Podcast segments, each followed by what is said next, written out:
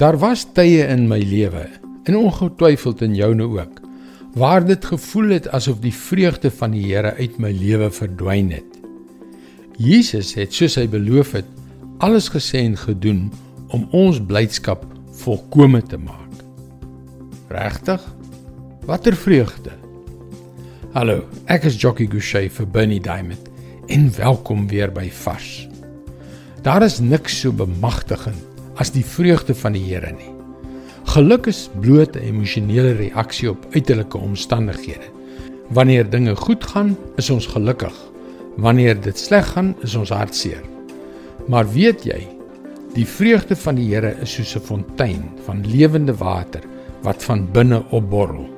Ons kan dit nie self laat gebeur nie, maar vir elkeen wat in Jesus glo, sal daar uit die diepste van sy wese riviere van lewende water vloei. Ek kan hierdie waarheid met jou deel, maar dit kan slegs 'n geringe impak maak.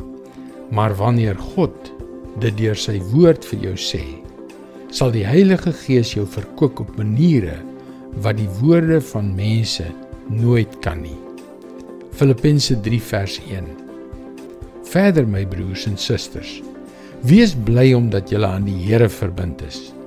Om weer hieroor vir julle te skryf maak my nie moeg nie en vir julle gee dit duidelikheid. Ek voel baie dieselfde as die apostel Paulus hieroor. Ek kom gereeld terug om met jou oor die vreugde van die Here te gesels sodat jy voorbereid kan wees op al die gebeurlikhede van die lewe. Ons kan vandag oor baie ander dinge praat.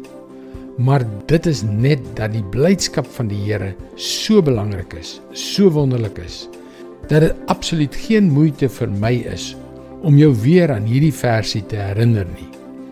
Die blydskap van die Here is jou krag. En ek wil seker wees dat jy gereed is om sy blydskap te ontvang. Dit is God se woord vars vir jou vandag. En asseblief moenie vergeet om na ons webwerf varsvandag.co.za te gaan om in te skryf om daagliks 'n vars boodskap in jou e-posbus te ontvang nie. Wanneer jy inskryf, kan jy ook die gratis e-boek om skep foute in wonderwerke ontvang. Luister weer môre na jou gunstelingstasie vir nog 'n boodskap van Bernie Diamond. Seënwense en mooi loop.